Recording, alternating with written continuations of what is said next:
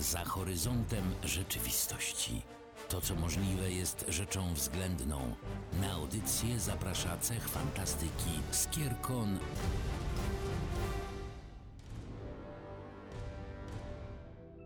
Uuu, witamy Was przerażająco w kolejną niedzielę w portalu. Jest godzina 15 i witają Was Winga. i Aurelion. i chili. Tak, dzisiaj jest nas więcej, bo będziemy mówić o przerażającym, strasznym święcie i jego pochodzeniu, czyli oczywiście będziemy mówić o Halloween, bo w tenże właśnie weekend, który trwa, to święto jest obchodzone jako jedno z największych w Stanach Zjednoczonych. Natomiast zanim przejdziemy do tego, co się w Stanach obecnie dzieje, porozmawiamy o tym, skąd to święto właściwie się wzięło. I tutaj przede wszystkim głos oddaję Wam, bo historycznie ja mam do powiedzenia mniej, ale ja potem chętnie uzupełnię kwestie czysto kulturowe. To ja od razu chcę powiedzieć, że tak naprawdę nie do końca wiadomo, skąd się to święto wzięło. I oczywiście najwięcej tropów wiedzie w kierunku tradycji celtyckich, ale po pierwsze, warto powiedzieć, że wszystkie ludy indoeuropejskie miały tego typu święto w mniej więcej tym samym okresie roku, a po drugie są badacze, którzy twierdzą, że w ogóle echa te halloweenowe to można powiązać ze świętem jesiennym na cześć Pomony, rzymskiej bogini plonów, owoców, w ogóle rozsiewania nasion, bo to był też e, taki czas, więc tutaj tropy są różnorodne, a wiodą do różnych bardzo ciekawych treści, nieprawdaż Aurelionie? Prawdaż, chciałem powiedzieć tylko tyle, że pomologiczny, tak jak Instytut Pomologiczny, również nawiązuje do pomony, no i też jest słowotwórczo powiązany właśnie z tym samym, czyli z owocami, z plonami i z tym sezonem, w którym teraz się znajdujemy. Tak jak Pomona była boginią właśnie plonów, boginią zbiorów, boginią tego wszystkiego, co przez pierwsze dwa sezony tworzyliśmy i nad czym pracowaliśmy, tak różne inne kultury, różne inne mitologie miały swoje odpowiedniki Pomony, którym również oddawano cześć. No i w związku z tym Rzymianie nie byli jakimiś tam oryginałami, jak chodzi o świętowanie zbiorów, świętowanie plonów, świętowanie przejścia lata w jesień, świętowania przejścia pory jasnej w porę ciemną. I takie echa, takie sygnały i takie święta kultywowano wszemi wobec tak naprawdę. Umówmy się, że to będzie zależało, czy pół- półkula północna, czy południowa, w związku z tymi geograficznymi takimi różnymi dziwnościami, ale generalnie e, chyba się zgodzisz, Aniu, że tak to właśnie wyglądało. E, Dokładnie tak. E, I to mm, było jedno z takich świąt bardzo intuicyjnych. To był czas generalnie bardzo specyficzny, bo plony już trafiają do naszych spiżarni, właściwie już dożyna się watachy, czyli zbiera się te ostatnie, ostatnie plony, ostatnie warzywa e, i tak dalej. I jest obfitość, jest bezpieczeństwo, a z drugiej strony już wielkimi krokami zbliża się ta najcięższa pora roku, zimowa, kiedy mm, najwięcej ludzi umiera, kiedy jest najtrudniej przetrwać, kiedy widzimy wyraźnie, że zapasy w spiżarniach i spichrzach topnieją, niepokój się wkrada, to właśnie święto, które legło u podstaw dzisiejszego Halloween, czyli Samhain, czy nasze słowiańskie dziady, to właśnie jest też y, w dużym stopniu, choć nie tylko, jak wiadomo, objaw tych lęków. Lęku przed śmiercią, lęku przed głodem, lęku przed y, no, tymi stereotypowymi, standardowymi, strasznymi rzeczami, któ- których wszyscy się lękali i nadal się ich y, lękamy. Zaraza, głód, wojna, ciemność. No to wszystko już było, już było za horyzontem. Stąd trudno się dziwić, że ludy indoeuropejskie, ale generalnie wszystkie ludy, które wykształciły mm, wyższą kulturę, miały, miały tego typu święto, właśnie święto, które miało odpędzić strach, a jednocześnie zasygnalizować przodkom, że się o nich pamięta, że się o nich myśli, e, że się ich bardzo ceni, ale e, tak naprawdę nie jest e, dobrze mm, spotykać się twarzą w twarz. Więc tak, no to, to jest ten, ten czas, kiedy myślało się o różnych rzeczach, o których i dzisiaj myślimy, że są smutne i straszne, a o tej porze roku bardzo często się o tym myśli. Tak, bo jak są długie wieczory i nie ma, pogoda nie sprzyja temu, żeby wyjść na zewnątrz, no to generalnie ludzie zaczynają myśleć i rozważać, prawda? I e, czasami to może prowadzić do głębszych refleksji, a czasami to może prowadzić do e, na przykład psychozy maniakalno-depresyjnej. Także e, to są e, e, różne e, objawy i różne takie konkluzje e, tegoż. A czasami może prowadzić do stania się totalną jesieniarą i patrzenia przez okno na piękne jesienne kolorki. Oczywiście, że tak, najlepiej z kubkiem gorącej herbaty w ręku. I to, co ja chciałem dodać, to to, że ten niepokój, o którym Czyli mówiłaś, również uzewnętrzniał jeszcze inną rzecz, mianowicie doświadczenie ludzi, którzy, prawda, patrząc w przyszłość, patrząc na przyszłe sezony, na przyszłą wiosnę i lato, chcieli przebłagać bogów z tych przyszłych sezonów i składając ofiary bogom, chcieli prosić o pomyślność w przyszłych sezonach i prosić o, o to, żeby słońce znowu zaczęło wzrastać, żeby dzień znowu zaczął przybierać, e, żeby owszem te kontakty e, ewentualne z bogami ciemności odwrócić i żeby te tendencje, ten cykl życia, żeby, żeby znowu napędzić. Koło życia trzeba było popchnąć do przodu, żeby dotrwać w bezpieczeństwie do szczodrych godów, do powrotu słońca. I rzeczywiście to był ten moment, kiedy braliśmy zamach, żeby to koło pchnąć w dobrym kierunku. Wśród ludów indoeuropejskich było takie głębokie poczucie, że jeżeli nie będziemy wystarczająco solennie obchodzić świąt, to koło czasu się zatrzyma. A to była naprawdę przerażająca perspektywa, w którą oni bardzo głęboko wierzyli, że jeżeli nie będzie obchodów, że jeżeli nie będzie sowitych uczt, jeżeli oni naprawdę nie będą solennie świętować, to nie popchną koła mm, czasu do przodu.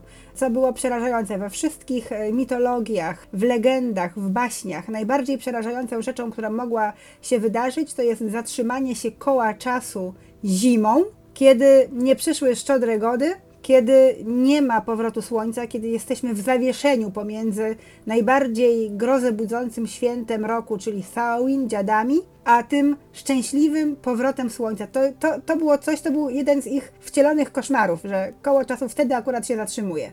Dziarskim krokiem przenosi nas do jeszcze innego wymiaru, mianowicie do tego faktu, że w tamtych czasach wierzono, że właśnie na styku pory dnia i pory nocy, pory światła i pory ciemności, te rzeczywistości dwie obcują ze sobą najbliżej. I w związku z tym odległość, którą, którą dzielimy z zaświatami, jest najłatwiej duchom ciemności, duchom przodków pokonać, żeby wrócić do naszego świata i tutaj nam psocić i psuć nasze spiżarnie i różne inne. W związku z tym takie świętowanie właśnie w tym okresie na, na styku światła i ciemności nabiera jeszcze innego znaczenia. Właśnie takiego, że teraz, kiedy celebrujemy przodków, kiedy celebrujemy duchy, które odeszły i bogów y, ze światów, właśnie prosimy ich, żeby zostali tam, gdzie są, że my sobie dobrze radzimy, że wszystko jest w porządku i że nam was tutaj nie potrzeba. Oddajemy wam cześć, oddajemy wam to, co boskie i, i sobie idźcie, nie? I sobie zostańcie. W spokoju i w sytości, bo zostawiamy Wam ucztę na cmentarzu, za progiem domu, za bramą, na rozstajach dróg, gdzieś, gdzie hmm, można Was uczcić, ale na pewno nie we wnętrzu naszej chaty, ponieważ to już nie jest Wasze miejsce. I to też y, było takie, taki, taki przyczynek lękowy, że kiedy się umrze, to już nie będzie dla nas y, miejsca wśród żywych. Z drugiej strony, nasi przodkowie indoeuropejscy bardzo wierzyli w to, że potrzebna jest im opieka przodków i tych chtonicznych podziemnych bóstw i starali się ich jak najlepiej do siebie usposobić. Niemniej jednak no, trzymali ich z dala od ogniska e, domowego i mm, uczty, dary wynosili właśnie na cmentarze czy gdzieś tam na rozstajne e, drogi, żeby prawda, wilk był syty i owca cała, ponieważ oni naprawdę byli przerażeni, że mogliby stanąć twarzą w twarz z przodkiem, a co gorsza, z jakimś e, demonem, który za taką wędrującą duszą przeciśnie się z nawi do jawi i może naprawdę dokonać strasznych rzeczy, na przykład opętać e, człowieka. Taki demon mógł wejść e, do ciała żywego człowieka i zacząć w nim hulać i wtedy wszyscy by myśleli, że to na przykład Franek czy Janek hula, a to demon hulał w ciele Janka, wiadomo, i no, nikt nie chciał e, czegoś takiego przeżyć. Dlatego, kiedy ten czas nadchodził, kiedy Samhain dziady e, zbliżały się e, i kiedy nadchodził ten dzień, który poprzedzał tę noc, to ludzie albo w ogóle nie wychodzili z domów, tylko ewentualnie rankiem zanieść dary na cmentarz czy na rozstajne drogi, czy wystawić za bramę gospodarstwa. Wracali do domu, wygaszali ogień, e, zasłaniali okna, siedzieli jak trusie, żeby tylko przypadkiem żaden przechodzący akurat w tym czasie demon nie, nie poczuł pokusy, żeby do ich domu wejść. I co więcej, kiedy trzeba było do, wyjść, bo coś się działo takiego, że wyjście było konieczne, to przebierano się e, w jakieś stare worki, w jakieś obrzydliwe maski, jakieś kaptury i chodziło się w takim niezbyt eleganckim ubraniu, żeby demon spotkany gdzieś po drodze pomyślał, łe, no co za brzydactwo, to jeden z nas, to nie ma sensu go w ogóle e, opętywać, ponieważ co mi z tego, że opętam jakiegoś demona, jak i tak, e, no cóż, e, nie zmieni się moja życiowa sytuacja, więc chodziło właśnie o to, żeby zachować pozór takiej brzydoty odrażającej postawy, żeby nie być atrakcyjnym dla potencjalnego opętującego. To jest y, też y, pewnie echa tego zwyczaju, który miał ratować życie, y, znajdujemy w dzisiejszym Halloween. Tak, ale zanim do tego dojdzie, zanim prawda, ruszymy do czasów obecnych, chyba jeszcze warto powiedzieć o tym, co się wydarzyło w, we wczesnym średniowieczu, mianowicie o zaborczym charakterze religii rzymskokatolickiej i o tym, jak sobie przywłaszczyła albo, albo tak zintegrowała obyczaje celtyckie, obyczaje pogańskie, obyczaje słowiańskie. Nie pierwszy i nie ostatni raz, można powiedzieć. No, umówmy się tak, że, że e, wszystkie religie dominujące mają to do siebie, że starają się e, obrzędy lokalne jakoś integrować ze swoimi własnymi świętami, więc to e, absolutnie katolicyzm rzymski nie jest tu wyjątkiem. Natomiast e, ponieważ jest nam jakby e, najbliższy organicznie, no to dlatego o tym mówię. Ja miałam na myśli, że to nie jest jedyne y, święto, które zostało wchłonięte przez mm, religię chrześcijańską. Absolutnie tak. Jakby poszerzyłem to o różne inne religie również, bo to jakby nie jest wyjątkiem dla katolicyzmu. Oczywiście. Nie, nie, to jest raczej reguła. W związku z tym we wczesnym średniowieczu było takie święto ustanowione przez jednego z papieży w roku 609, które miało na celu celebrację wszystkich zmarłych, dusz wszystkich zmarłych wiernych. I to święto obchodzono mniej więcej w połowie maja. Ale reforma rzymska Grzegorza III y, w okolicach lat 730 przeniosła to święto i połączyła to z jeszcze innym świętem, ze świętowaniem wszystkich świętych, czyli tych dusz, które Kościół katolicki wyniósł do rangi świętych. I w ten sposób powstało takie duum, czyli e, dwa dni obchodów. I to poszerzono, ponieważ wszystko najlepsze chodzi trójkami, poszerzono to do triduum, takiego duszyckiego, nazwijmy je, z Wigilią Wszystkich Świętych. I ta Wigilia została owszem ustanowiona na dzień przed 1 listopada. Znowu, to jest głębokie średniowiecze, kiedy wiadomo, nauka i medycyna i różne takie, no, odstawało od tego, co wiemy dzisiaj, ale edykt papieski był edyktem papieskim. No właśnie, no i to triduum świąteczne zostało wprowadzone do kultury katolickiej. I co ciekawe, właśnie obchody Dnia Wszystkich Świętych początkowo odbywały się tak, że właśnie palono wielkie ogniska, wszyscy wierzący przebierali się między innymi w stroje świętych, ale również w stroje aniołów, czy y, w stroje diabłów i demonów. Czy coś nam się z tym kojarzy? Coś już chyba o czymś takim mówiliśmy dzisiaj, nie? Coś, coś jest na rzeczy. Jednym słowem, widać e, zaanektowanie starych zwyczajów, do których ludzie byli przyzwyczajeni, które dawały ludziom poczucie bezpieczeństwa, do nowej e, sytuacji społeczno-religijnej.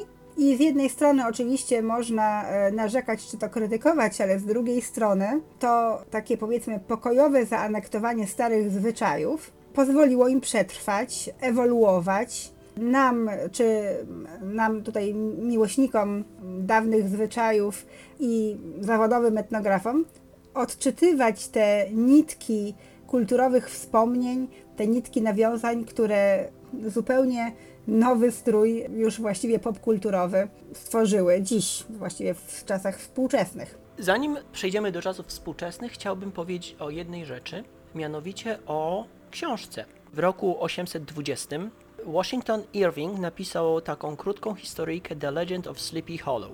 I to ta historyjka wydana już w Ameryce, czyli umówmy się w nowym kraju za wielką wodą, gdzie ludzie, prawda, kotłowali się kulturalnie i doświadczenia i te e, wzorce etniczne i różne takie elementy się ze sobą intensywnie mieszały, doświadczyła właśnie takiego, tak, takiego rewampu tego święta wszystkich świętych. I to był taki element mocno amerykański, to był taki element mocno nowatorski i taki, umówmy się, ichni, że to, było, to była nowa jakość z połączenia różnych innych elementów, które przyszły z zamorza.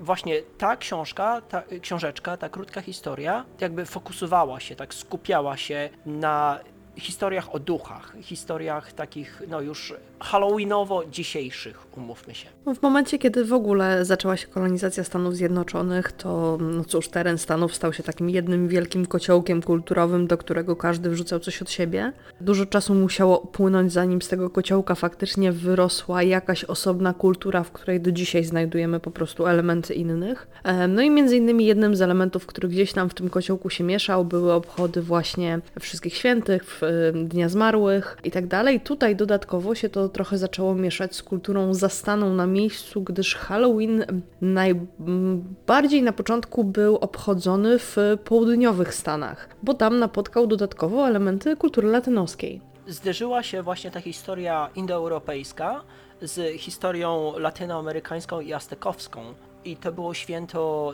Dia de los Muertos. I w tym święcie oni się skupiali jakby bardziej na trochę innych elementach, ponieważ ta kultura indoeuropejska skupiała się bardziej na takich pozytywnych aspektach obcowania z duchami przodków, z bogami zaświatów. Natomiast ta historia latynoamerykańska i aztekowska bardziej skupiała się na takich negatywnych, umówmy się, aspektach, czyli tego, że oni odeszli, oni już nie są z nami i e, duchy zaświatów to są duchy, które chcą nam psuć, które chcą nam szkodzić. Dodatkowym elementem, który e, jest no, unikalny, umówmy się, dla Stanów Zjednoczonych, jest fakt, że w XIX wieku po wielkim głodzie, po zarazie ziemniaka i po różnych takich, wiecie, wojnach napoleońskich, nastąpiła masowa migracja z Europy do Stanów. No więc wszyscy ci ludzie przywozili ze sobą swoją kulturę, przywozili ze sobą swoje legendy, przywozili ze sobą swoje święta. I jednym z takich elementów, który przywieźli, właśnie głównie Szkoci i Irlandczycy, była historia o Jack of the Lantern, czyli Jacku z la- latarnią. I w tej historyjce zawiera się jakby sedno, według mnie, takiego świętowania i współczesnego Halloweenu.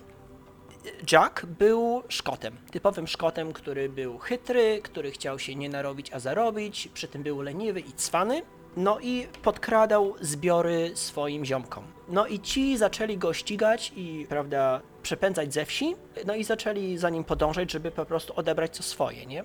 No i na rozstajnych drogach spotkał diabła, który to diabeł zastraszył go, że za wszystkie twoje przewinienia to idziesz ze mną do piekła.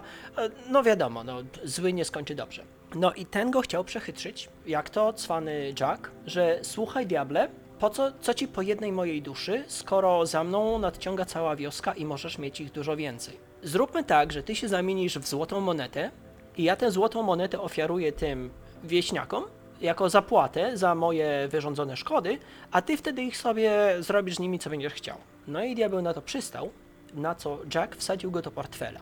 Diabeł nie wiedział, że w tym portfelu będzie się znajdował tuż obok świętego krzyżyka. No i wiadomo, że, że diabeł tuż obok krzyżyka to nic dobrego nie wróży, co Jackowi pozwoliło wymusić na nim obietnicę, że jego dusza nigdy nie trafi do piekła. Diabeł niechętnie, ale przystał na taką obietnicę. No jak w końcu Jack po długim i no jakimś tam szczęśliwym życiu zmarł, no to był zawieszony pomiędzy, do nieba nie mógł pójść, no bo tylu, ludzi, tylu ludziom zaszkodził, ale w piekle też nie mógł się odnaleźć. No i wtedy diabeł z chichotem podrzucił mu do tych jego ciemności, w których on się błąkał i szukał e, swojego miejsca, podrzucił mu taki żerzący się węgiel z piekła. Ponieważ nie mógł go w ręku nieść, żeby sobie drogę oświecać, wydrążył rzepę. I w tę rzepę wydrążoną wsadził ten płomyk, wsadził ten węgielek żarzący się i oświetlał sobie drogę latarenką. No i w międzyczasie w Ameryce, ponieważ dynie pochodzą z Ameryki, przeinaczono tę rzepę na wydrążanie dyni, no więc to jest kolejny element, który tutaj tak etnicznie i etnograficznie się ładnie przekorzenił na nowy grunt. Tak, to ładna jest historia, zwłaszcza, że dotyczy dyni, y, która dobrą rzeczą jest. Tak, dynie są pycha, co do tego nie ma żadnych wątpliwości. To miłe, że to święto zawiera w sobie element dyni Ym, i to też, też y, fajnie nawiązuje do tych dawnych, dawnych zwyczajów, te, że, że to jest też święto okresu tak naprawdę przynajmniej materialnej obfitości. I też taka ciekawostka, że początkowo, bo wspominał Aurelian o tym, że początkowo wcześniej chrześcijanie obchodzili święto zmarłych y, wiosną. Poganie indoeuropejscy też mieli swoje drugie dziady, można powiedzieć, w okresie wiosennym. I nawet y, niektórzy badacze twierdzą, że to było ważniejsze święto zmarłych, że tak jak Samhain dziady to było święto, y, no powiedzmy, tego lęku przed tą ciemnością i tak dalej, i tak dalej. Natomiast, y, bar- że dziady wiosenne, czyli ten czas rozmyślania o zmarłych mm, wiosenny, był bardziej radosnym czasem takiego wspominania e, dobrego. I dopiero te przenosiny, powiedzmy, wczesnochrześcijańskie sprawiły, że e, no, ten zwyczaj em, kultywowania pamięci zmarłych wiosenne gdzieś zaginął i teraz zarówno te święta dotyczące zmarłych, jak i wszystkich świętych, jak i nasze współczesne Halloween, wszystko to się skomasowało w tym okresie jesiennym, lękliwym, co być może zabrało nam e, ten taki aspekt e, bardziej pogodny myślenia o śmierci, o dołączeniu do przodków, o tym, że może nie jest to aż takie złe wreszcie odpocząć. Wiecie o co chodzi, że to zmieniło narrację o śmierci, o zmarłych, e, o pogodzeniu się z losem. No i utrudniło nam trochę trwanie w tym najlepszym ze światów. Jeszcze kolejnym elementem, który wydaje mi się dosyć mocno wybrzmiewa w sztuce i w literaturze tamtych czasów, generalnie czasów zaszłych, są elementy odradzania się tych samych motywów w różnych epokach. No bo na przykład mamy element trzech wiedźm, który bardzo mocno egzystuje w, w Szekspirze i to są trzy wiedźmy, które prawda rządzą losami, które ważą jakieś tam swoje dziwne mikstury i które wpływają na losy ludzkie bardzo negatywnie. Potem to odżywa mocnym echem w naszym polskim pięknym romantyzmie i mamy owszem aż dwie wersje dziadów e, u Mickiewicza, gdzie też obchodzi się i świętuje się prawda, duchy przodków i, i to są takie elementy, które bardzo mocno żerują na tych takich negatywnych aspektach e, święta Samhain i, i Halloweenu. Takie elementy popkultury, tudzież kultury, mogły bardzo mocno wpływać na masowy odbiór tego święta i masowy odbiór tego okresu. W Stanach to dodatkowo połączyło się jeszcze z obchodami takimi po prostu mocno jesiennymi. Już w XIX wieku społeczności lokalne bardzo skupiały się na tym, żeby organizować jakieś tam elementy kulturowe dla swoich mieszkańców, właśnie po to, żeby ich bardziej zintegrować. No i właśnie między innymi w połowie jesieni organizowano różnego rodzaju wydarzenia, które miały właśnie w swojej podstawie trochę rozmów o duchach, trochę nawiązań do wiedźm, właśnie do czarownictwa, e, no i trochę wiadomo zabaw e, takich głupich i szalonych na zasadzie robienia sobie nawzajem pranków, co potem ładnie się połączyło właśnie z obchodami Halloween. I w latach 20. i 30. XX wieku Halloween jako święto takie właśnie dla społeczności lokalnej przechodziło swój, e, no w ogóle totalny boom i wtedy tych imprez takich miejskich było bardzo dużo. One głównie były skierowane do najmłodszego pokolenia. Tam były różnego rodzaju gry i zabawy, ale przy okazji, ponieważ no, jednym z elementów tych obchodów były wszelkiego rodzaju pranki, to niestety łączyło się to z bardzo dużą plagą wandalizmu. To zaczęło się tym, że dzieci, które się przebierały, chodziły po wioskach i po miasteczkach, po sklepach i po biznesach, żebrząc o coś słodkiego, żebrząc o podarki, ale owszem, rozwinęło się to do bardzo niebezpiecznych rozmiarów, do tego stopnia, że policja musiała po prostu interweniować bardzo często. Pierwszą nowinką prasową w związku z tym w roku 1934 w The Oregon Journal pojawiło się, że te pranki po prostu trzymają policję na, na czubkach palców, mówiąc angielską kalką. Czyli do tego stopnia to było poważne, te wszystkie wybryki i, i straty, że musiano zaangażować znaczne środki. I w związku z tym te, ten, w tym 1934 roku ten Oregon Journal po raz pierwszy uży, użył, użył frazy trick or treat, która żyje w obecnych obchodach Halloween. I jest to kluczowe, kluczowe dla bardzo wielu osób poszukujących przygody, w tym przygody kulinarnej i słodyczowej. Ostatnim element, elementem łączącym historię Halloween z obecnymi czasami jest film z 1978 roku. Reżyser John Carpenter nakręcił i wydał Halloween, taką e, historię horrorową, umówmy się. To była taka nowa odsłona tego święta, która właśnie e, pokazywała taką jego brzydszą twarz. Tenże film z tego 78 roku jest chyba najlepszym przykładem, dlatego że wywołał taką zmianę w publicznym odbiorze Halloween gdzie świętowanie takiej, wiecie, ciemności i dzieci, które się radośnie przybierają i tak dalej, i tak dalej, miesza się z takim czystym, wyekstrahowanym horrorem i, i czystym terrorem w związku z tymi różnymi takimi który, rzeczami brzydkimi, których nie chcę, nie chcę spoilerować. W każdym razie wracając do tego, co y, Ania wspomniała o słodyczach, generalnie estymuje się, że jedna czwarta słodyczy, które Amerykanie kupują w ogóle w skali roku, y, jest kupowana właśnie na Halloween, także dentyści na pewno potem w okolicach listopada, grudnia mają popisówę, nie? W każdym razie, w latach 50. XX wieku udało się Stanach w końcu troszeczkę ogarnąć te wszystkie akty wandalizmu i obchody Halloween faktycznie stały się takimi bardziej domowymi imprezami, w sensie te wszystkie obchody, które dotychczas były w skali miejskiej, zaczęły trochę zmniejszać e, swój zasięg i zaczęły się to dziać jako imprezy domowe, imprezy w społecznościach na przykład szkół e, i tak dalej. Natomiast oczywiście nadal trwała i trwa do dzisiaj tradycja trick or treating, która no to tak, pochłaniana ilość słodyczy jest ogromna i ilość dzieci na dużej dawce cukru też jest ogromna. Co więcej, powstają całe biznesy, całe sklepy, które się otwierają z początkiem października i to mówię z własnego doświadczenia, że są sklepy dedykowane obchodom Halloween, w znaczeniu, że możesz kupić tam ubrania i kostiumy, możesz kupić tam dekoracje na swoje party, możesz kupić tam, wiesz, talerzyki i kubeczki z odpowiednimi dekoracjami, całą masę właśnie różnych rzeczy kulinarnych, tudzież słodyczowych, więc to są naprawdę potężne pieniądze, no bo przemysł, prawda, lubi high return, tak czy inaczej, i to jest bardzo high return, które wymaga minimal investment, no bo szybko się zaczyna, szybko kończy, wyprzedajesz po pierwszym listopada cokolwiek ci tam zostało, Biznesowo Halloween jest faktycznie przepotężną branżą. E, Zakłada się, że rocznie Amerykanie wydają na obchody święta około 6 miliardów dolarów. To co ciekawe, jakby już w tym momencie są bardzo popularne e, wszelkiego rodzaju dekoracje domów. Tutaj faktycznie mieszkańcy Stanów się prześcigają w tym, co e, mogą w swoim ogródku ustawić, żeby sąsiadom e, zbledły miny. Ale co ciekawe, w ogóle bardzo rosnącym biznesem a propos Halloween jest kwestia sprzedaży kostiumów dla zwierzaków. W tym momencie znów szacuje się, że około 490 milionów dolarów wydali Amerykanie w 2019 roku na kostiumy dla swoich psów, kotów, nie wiem, papug. Jak świętować, to świętować, bo przecież duchy nie tylko ludzkie mogą nawiedzać nasz świat. Wiesz, to jest naprawdę intrygujące uzasadnienie dla wydania pieniędzy na strój dla papuszki. Powiem tak, first world problems. Jep, Aniu, czy ty przebierasz swoje psy na Halloween?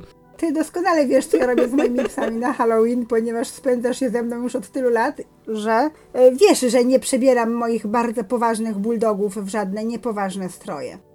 Tak, twoje bulldogi są bardzo poważne, zwłaszcza jak e, siedzą pod stołem e, ludzi, którzy właśnie jedzą dużo dobrych rzeczy. Wiesz, ile to wymaga energii tak pierdnąć celnie? Więc wiesz, że one nie mają czasu na przebieranki, one mają bardzo poważne zadanie do wykonania.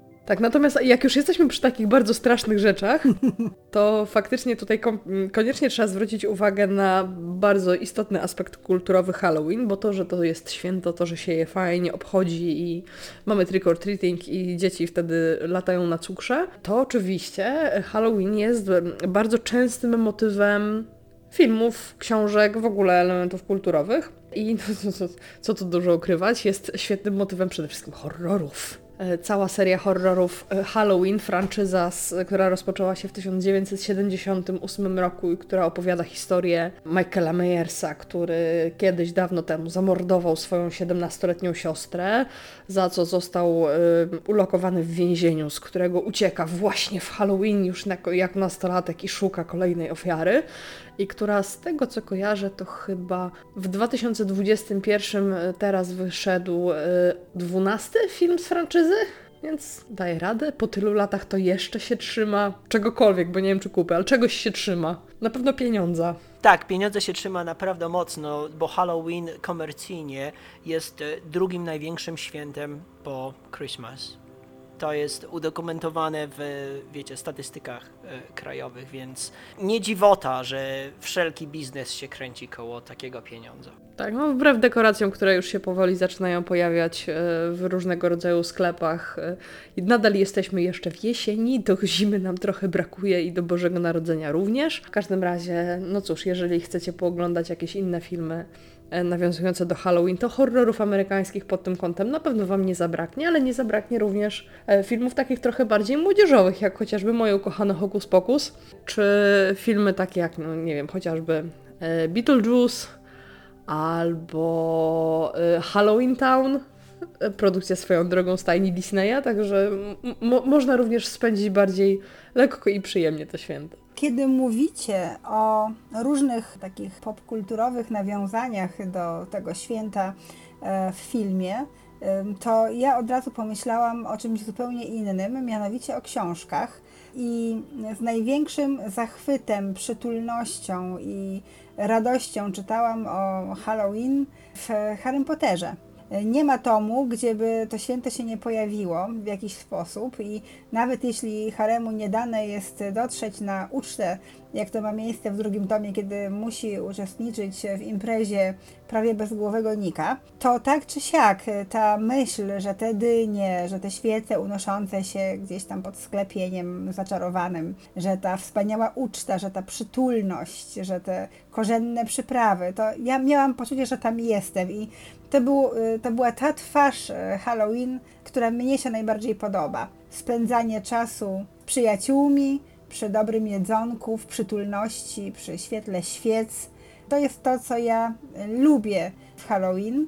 Natomiast oprócz tego lubię w Halloween to, że choć pobrzmiewają tam echa różnych religii, to tak naprawdę dziś jest to święto pokazujące, że potrafimy się śmiać i bawić y, i zapomnieć na chwilę o rzeczach y, naprawdę strasznych w sytuacji, kiedy to, co straszne, to nie tylko są demony z zaświatów, ale sami sobie tutaj y, na ziemi piekło urządzamy. I myślę, że takie chwile ciepła i dobroci, choć teoretycznie w ramach creepy okazji, są bezcenne. I myślę, że powinniśmy celebrować każdy pretekst, pretekst do dobrej zabawy i, no, i do przytulania przyjaciół. Przytulajmy się zatem jak najczęściej, to wyzwala endorfiny i to pomaga celebrować bliskość dobrych ludzi wokół nas i, i przetrwać te najciemniejsze miesiące. I my Was przytulamy wirtualnie co tydzień na YouTubach i na Spotify'u i zapraszamy do odsłuchiwania obecnych, przeszłych i dajcie bogowie zaświatów również przyszłych audycji. Dziękujemy. Do usłyszenia.